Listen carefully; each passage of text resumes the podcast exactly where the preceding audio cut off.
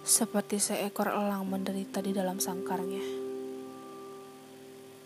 Ketika dilihatnya sekawanan burung terbang bebas di langit luas, lembah-lembah dan bukit-bukit itu membakar hayalku.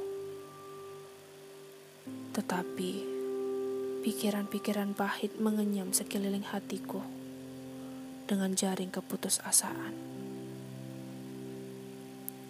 Duka cita dalam buku Khalil Gibran sayap-sayap patah.